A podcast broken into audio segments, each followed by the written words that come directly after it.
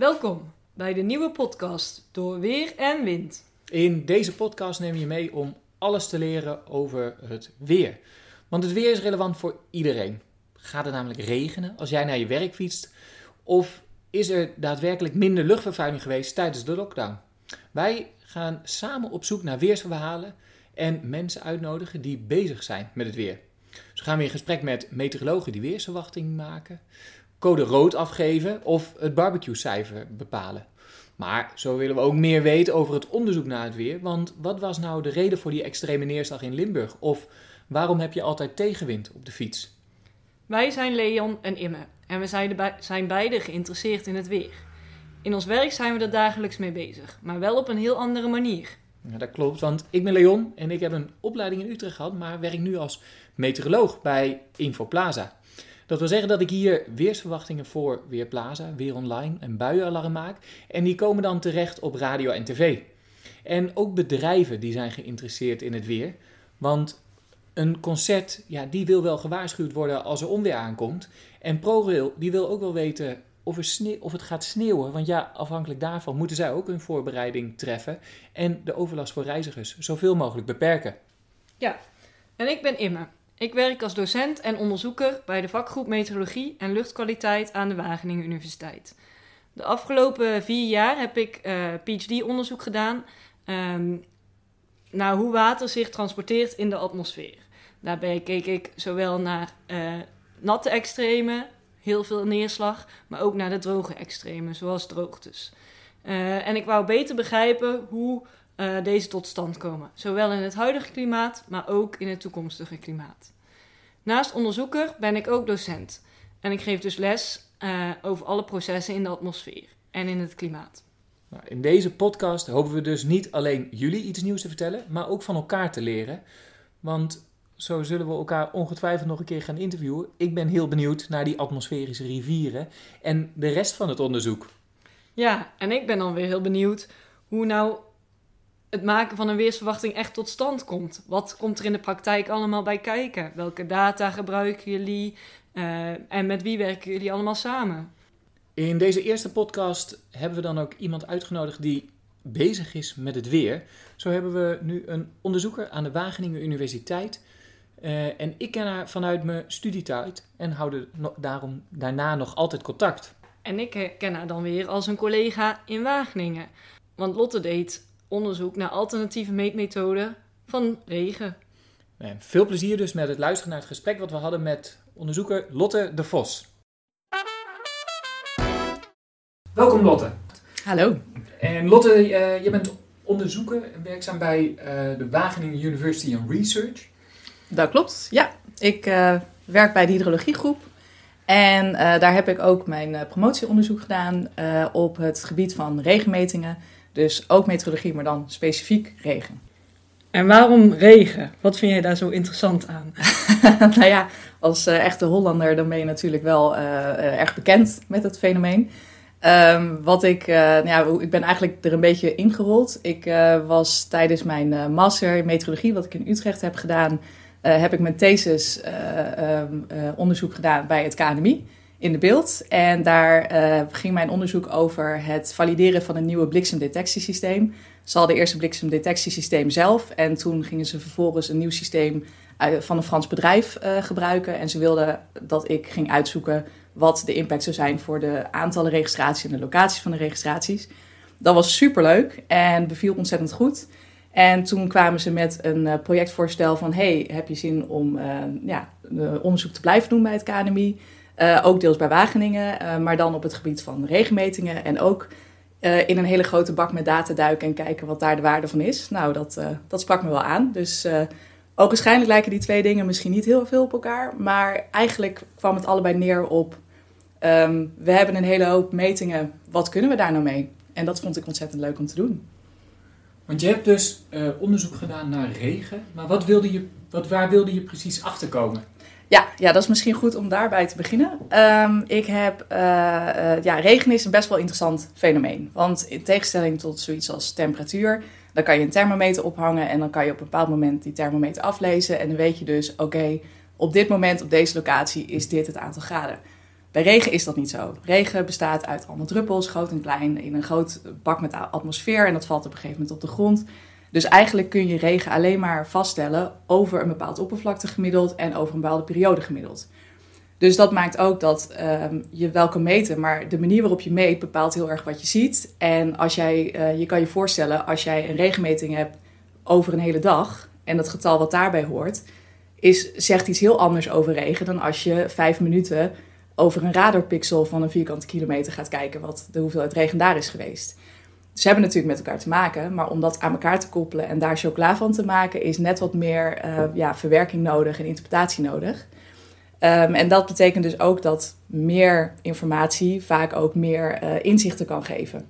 Omdat die tijdschaal en, die, uh, en de, ja, de meetschaal heel belangrijk is. En ja, dat, dat vond ik sowieso heel erg interessant om me mee bezig te houden. Het KNMI vindt dat gelukkig ook. En Wageningen, de hydrologiegroep, gelukkig ook. Dus het is eigenlijk een constante zoektocht naar hoe kun je meer informatie bij elkaar halen op dit, op dit onderwerp. En uh, met name ook hoe kun je meer metingen combineren zodat je een uh, plaatje krijgt. En mijn onderzoeksvraag ging er dan dus ook over hoe kan je opportunistische meetbronnen gebruiken om dat, die traditionele metingen aan te vullen, zodat je meer inzicht hebt in de variabiliteit, dus de verandering van regen over de, ja, over de, de ruimte en over de tijd. Een best lange zin. Laten we, laten we hem uh, een beetje afbreken. Want je zei, hoe kunnen we opportunistische meetmethoden... Wat zijn opportunistische meetmethoden? Opportunistische meetmethoden zijn meetmethodes die niet bedoeld zijn om op grote schaal regen te meten, maar daar wel voor gebruikt kunnen worden. Dus eigenlijk, ja, opportunisme heeft een beetje vieze nasmaak voor veel mensen, omdat het toch is van ja, een beetje gemakzuchtig iets toe-eigenen. Ik vind het een hele fijne manier om iets wat er is in te zetten.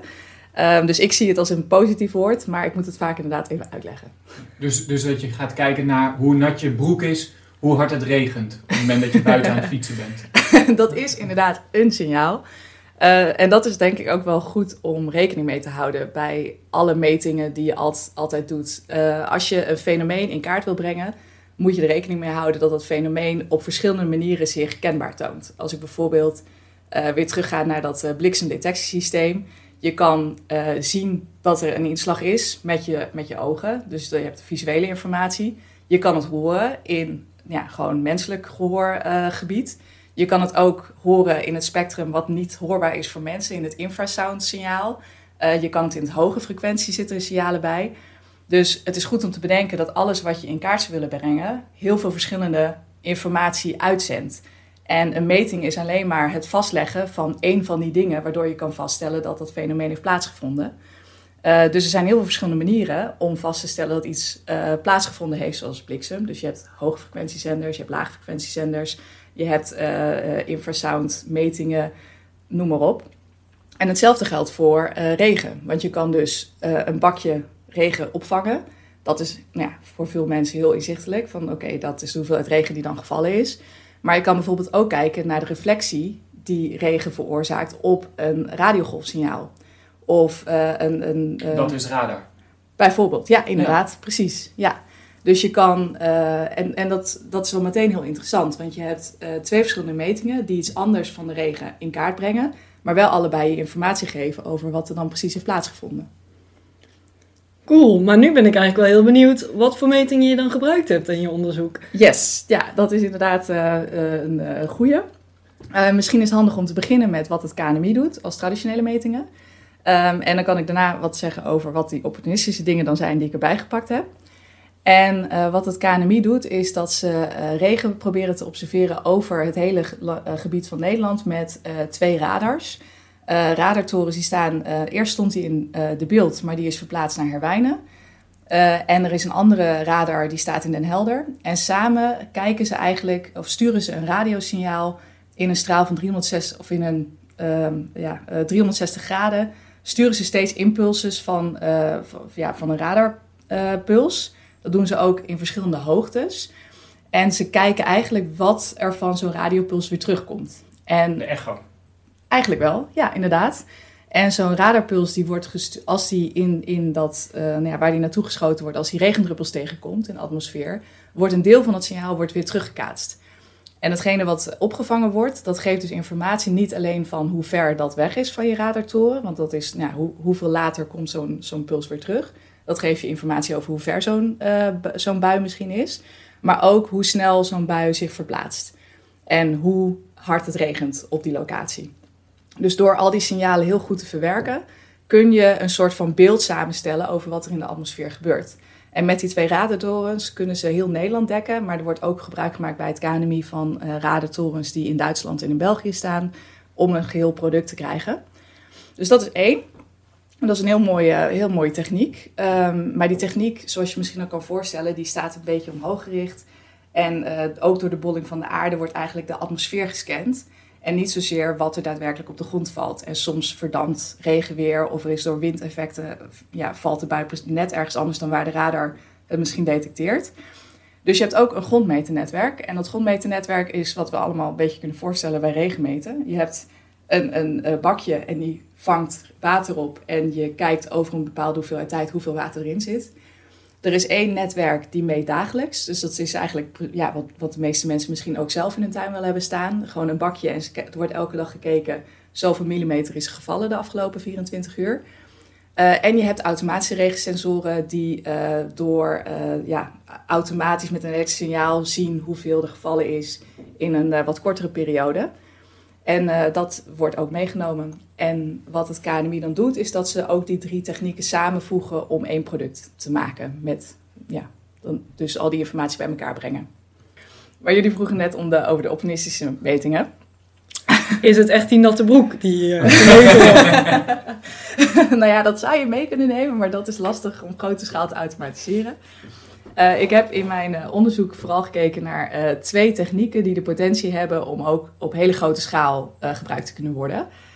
Want inderdaad, er zijn, je, je, kan mensen vragen van... hey, zodra het regent kun je dan misschien iets invullen op een app... of kun je dat dan sturen of, of kunnen we misschien Twitterberichten verzamelen.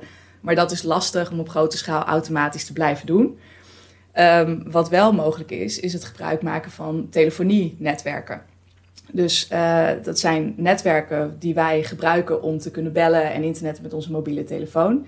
Het zijn palen die over uh, heel Nederland, maar ook internationaal gebruikt worden. Die, die staan enkele kilometers van elkaar af. En die sturen een signaal naar elkaar toe. Dus daarmee wordt data verzonden. Eigenlijk is dat een beetje de backbone van ons telefonienetwerk. Dus dat houdt alles een beetje in de lucht. En uh, die, dat signaal dat wordt dus typisch gezonden over een afstand van ja, enkele kilometers.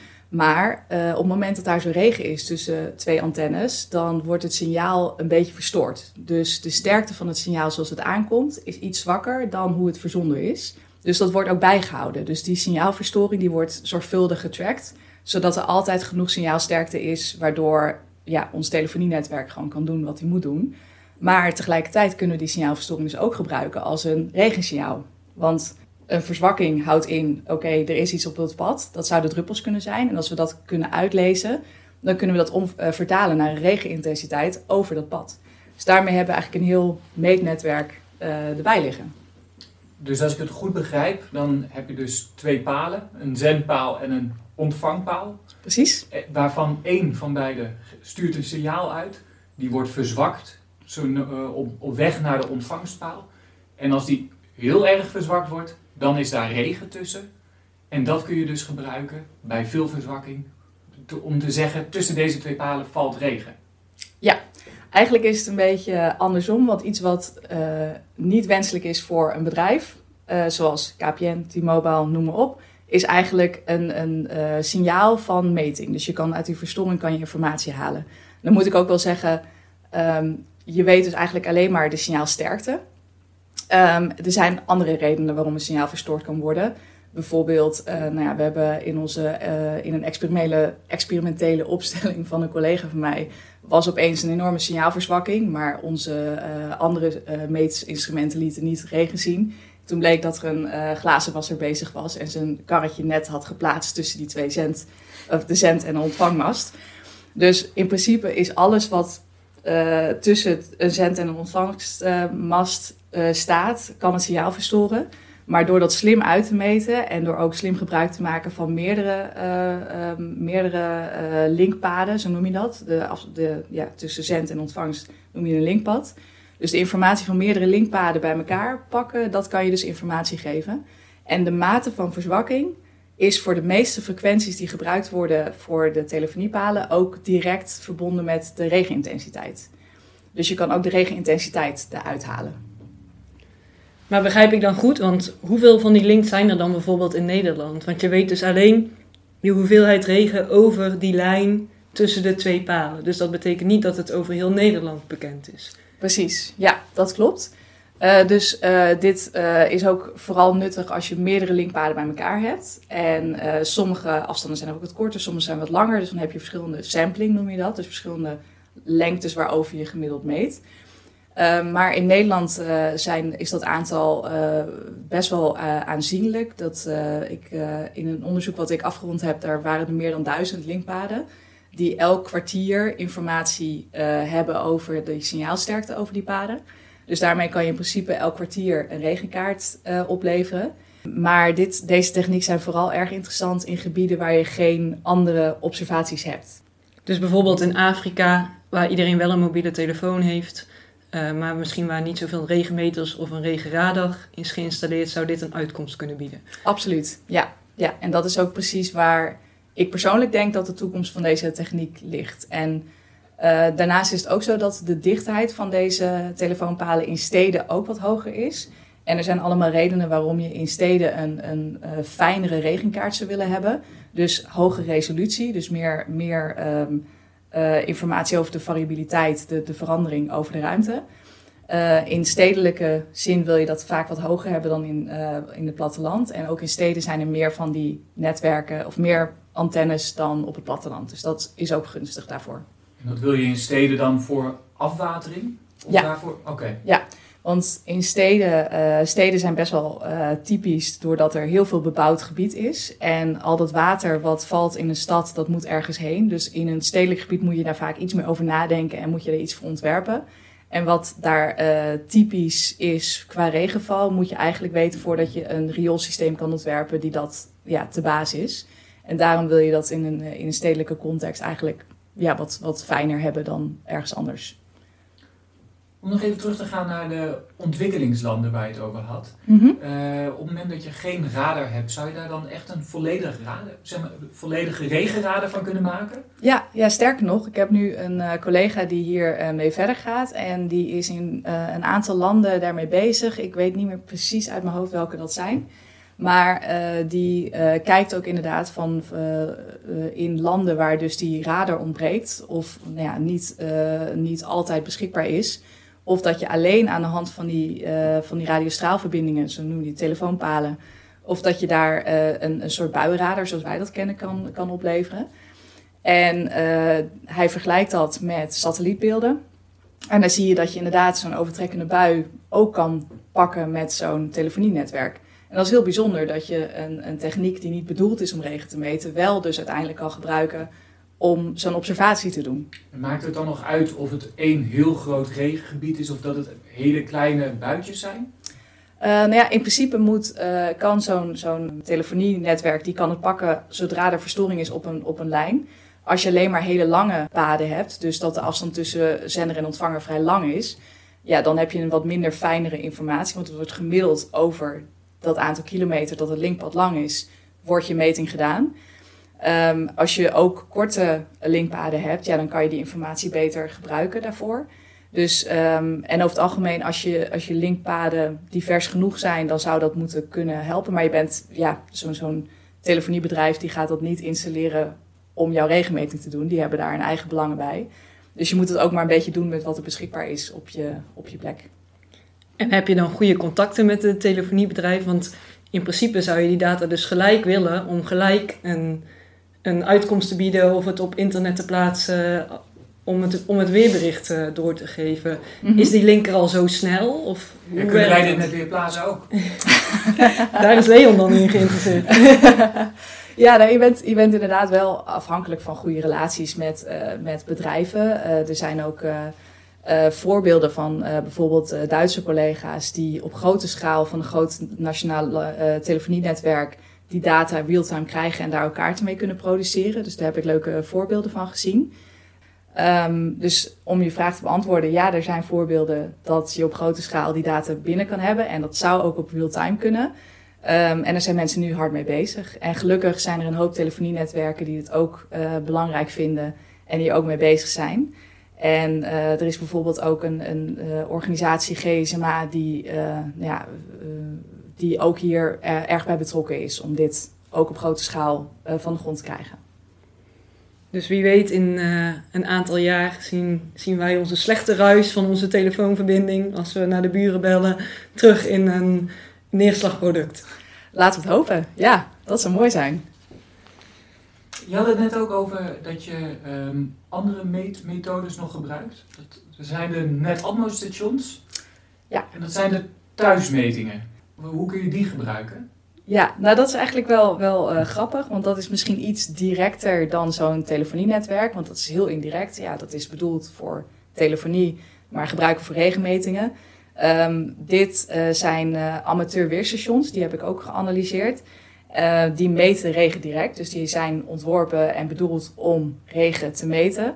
Maar die zijn bedoeld om dat te doen voor een, iemand die geïnteresseerd is in het weer in zijn tuin of op zijn balkon en dat uh, weerstation dat je daar installeert. Nou zijn het directe metingen, dus dat is heel gunstig. Maar uh, er zitten heel grote fouten in, omdat de meeste mensen die zo'n station kopen niet, uh, een, ja, niet de ruimte hebben of de kennis hebben om zo'n station te installeren op een manier dat je meetfouten minimaliseert.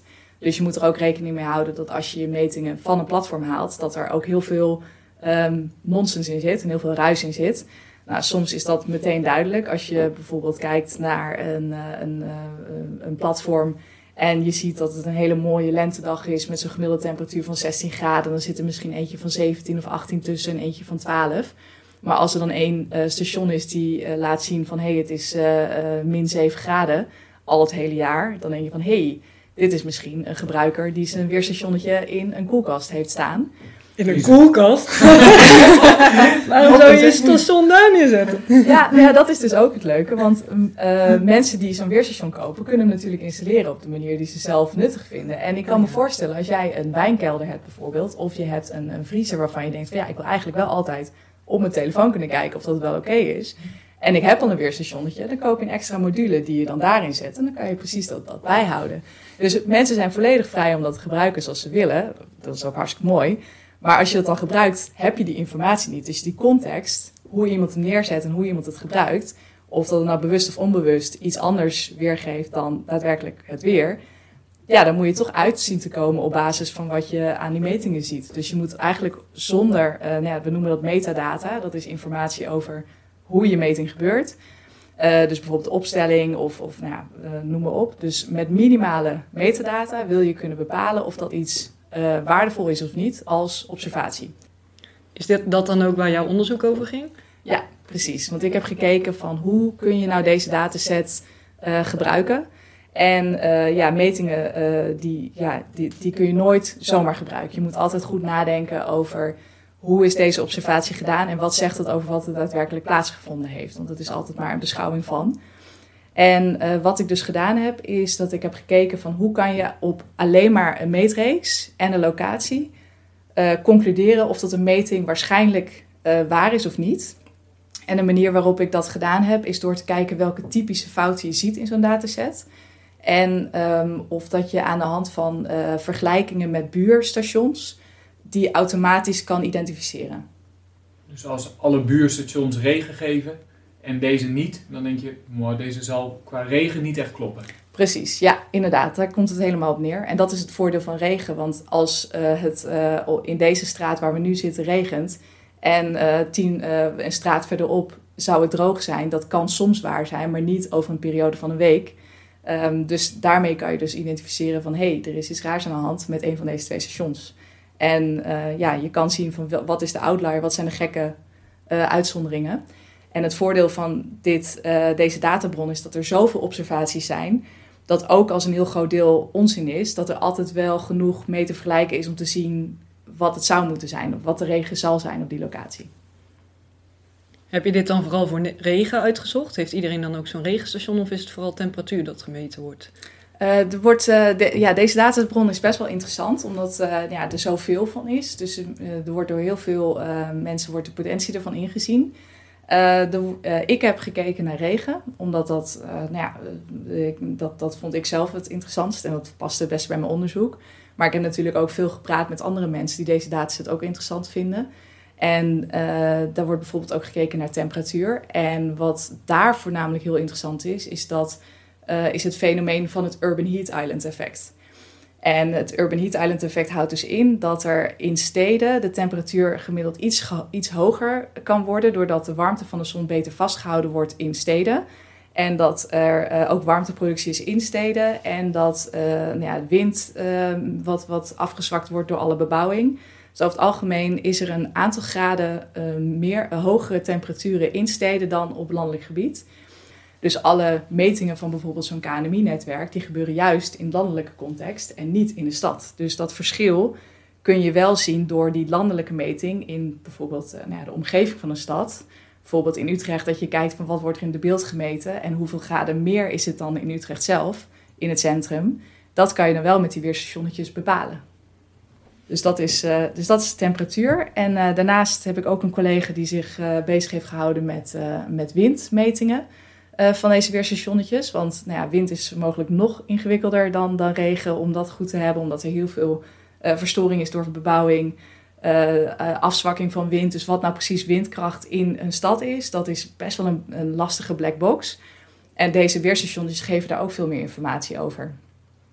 Dus, wat, is, wat is de waarde van de windmeting in de stad dan? Ik kan me voorstellen dat de meeste mensen hebben hem in een achtertuin staan.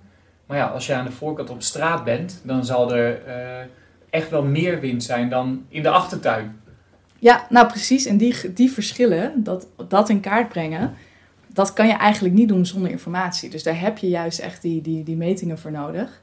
En uh, nou ja, wind heeft heel veel effect over de, de gevoelswarmte. Dus misschien dat qua temperatuur is er niet zoveel verschil. Maar ik denk dat nou ja, we hebben een hele warme zomer gehad met een paar ontzettend warme dagen als je een briesje hebt, dan, dan is, uh, dat, heeft dat veel minder effect op je gemoed en op je gezondheid dan als het ook windstil is.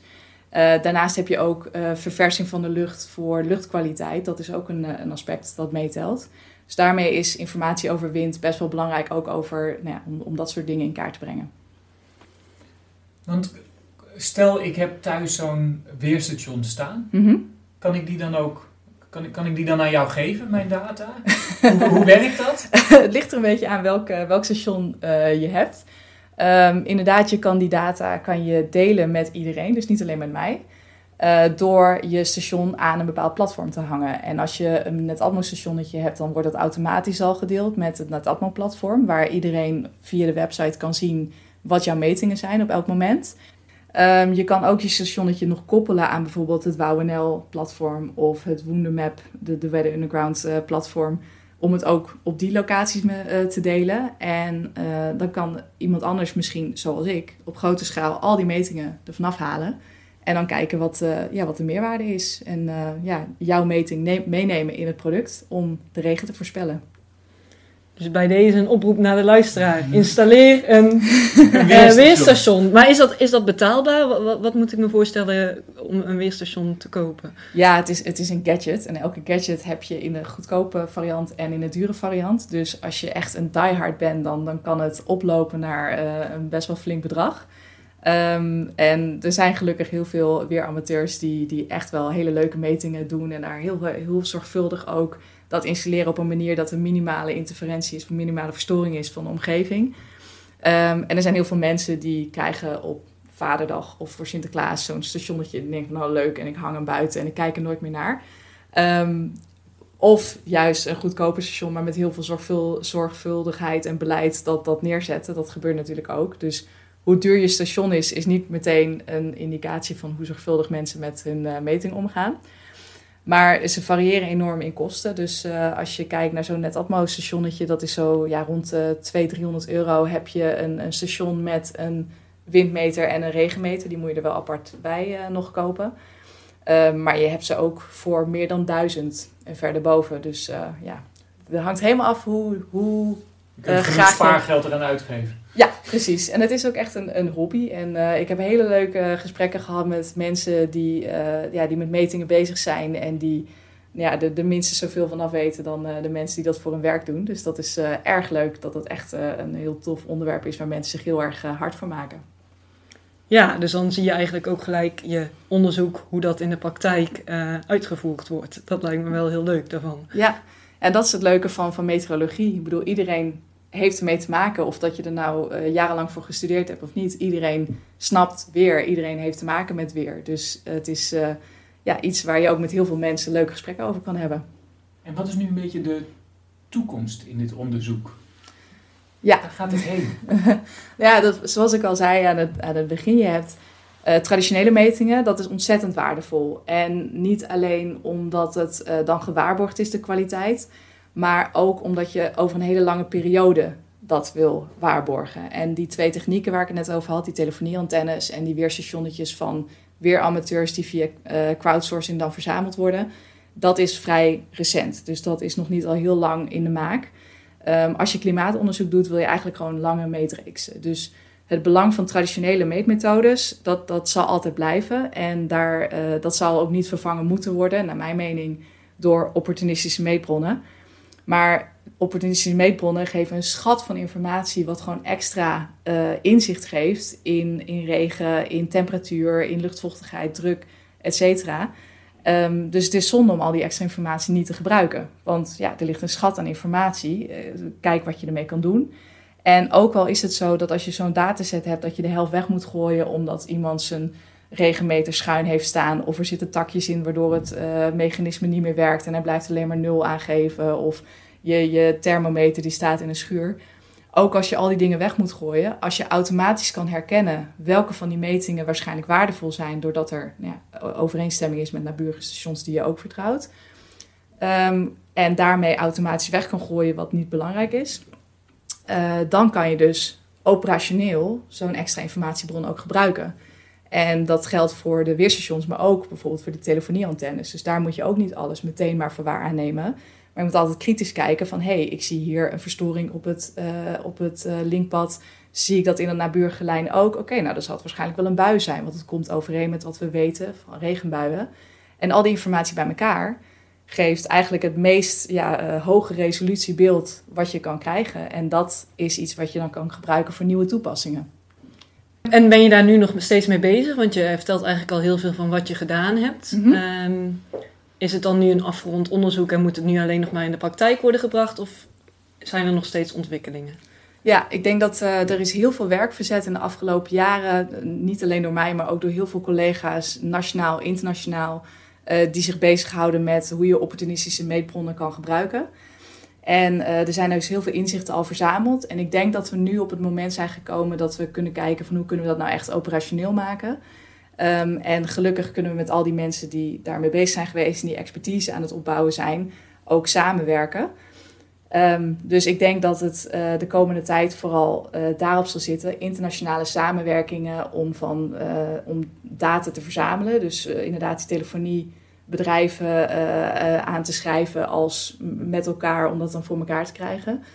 Um, en samen expertise uitwisselen, kijken hoe we dat operationeel kunnen maken. Dus niet alleen bewijzen dat het kan, maar ook elke vijf minuten een kaart opleveren. En uh, ik ben bijvoorbeeld nu betrokken bij een Europees voorstel om een, met, met 18, 17 landen samen opportunistische meetbronnen verder te onderzoeken en te kijken hoe we daar zo producten van kunnen maken. Voor, zoals bijvoorbeeld ook de radarbeelden die we gebruiken. Ontzettend bedankt voor je tijd, Lotte. Dankjewel, leuk dat ik mocht komen. En Imme, jij ook bedankt. Ik vond het echt een goede eerste aflevering. Wat jij? Zeker, ik zou hem zo nog een keer luisteren. En misschien moet ik toch maar eens een weerstation gaan aanschaffen. dat lijkt mij prima. Als jij hem dan aanschaft, dan zet hem bij mij thuis neer. Oh, dat is een goed idee, want op mijn balkon regent het niet zo vaak. Als je je aanmeldt voor de podcast Door Weer en Wind, dan krijg je hem automatisch in je podcast-app. We zijn heel benieuwd wat je van deze aflevering vond, dus laat een berichtje achter.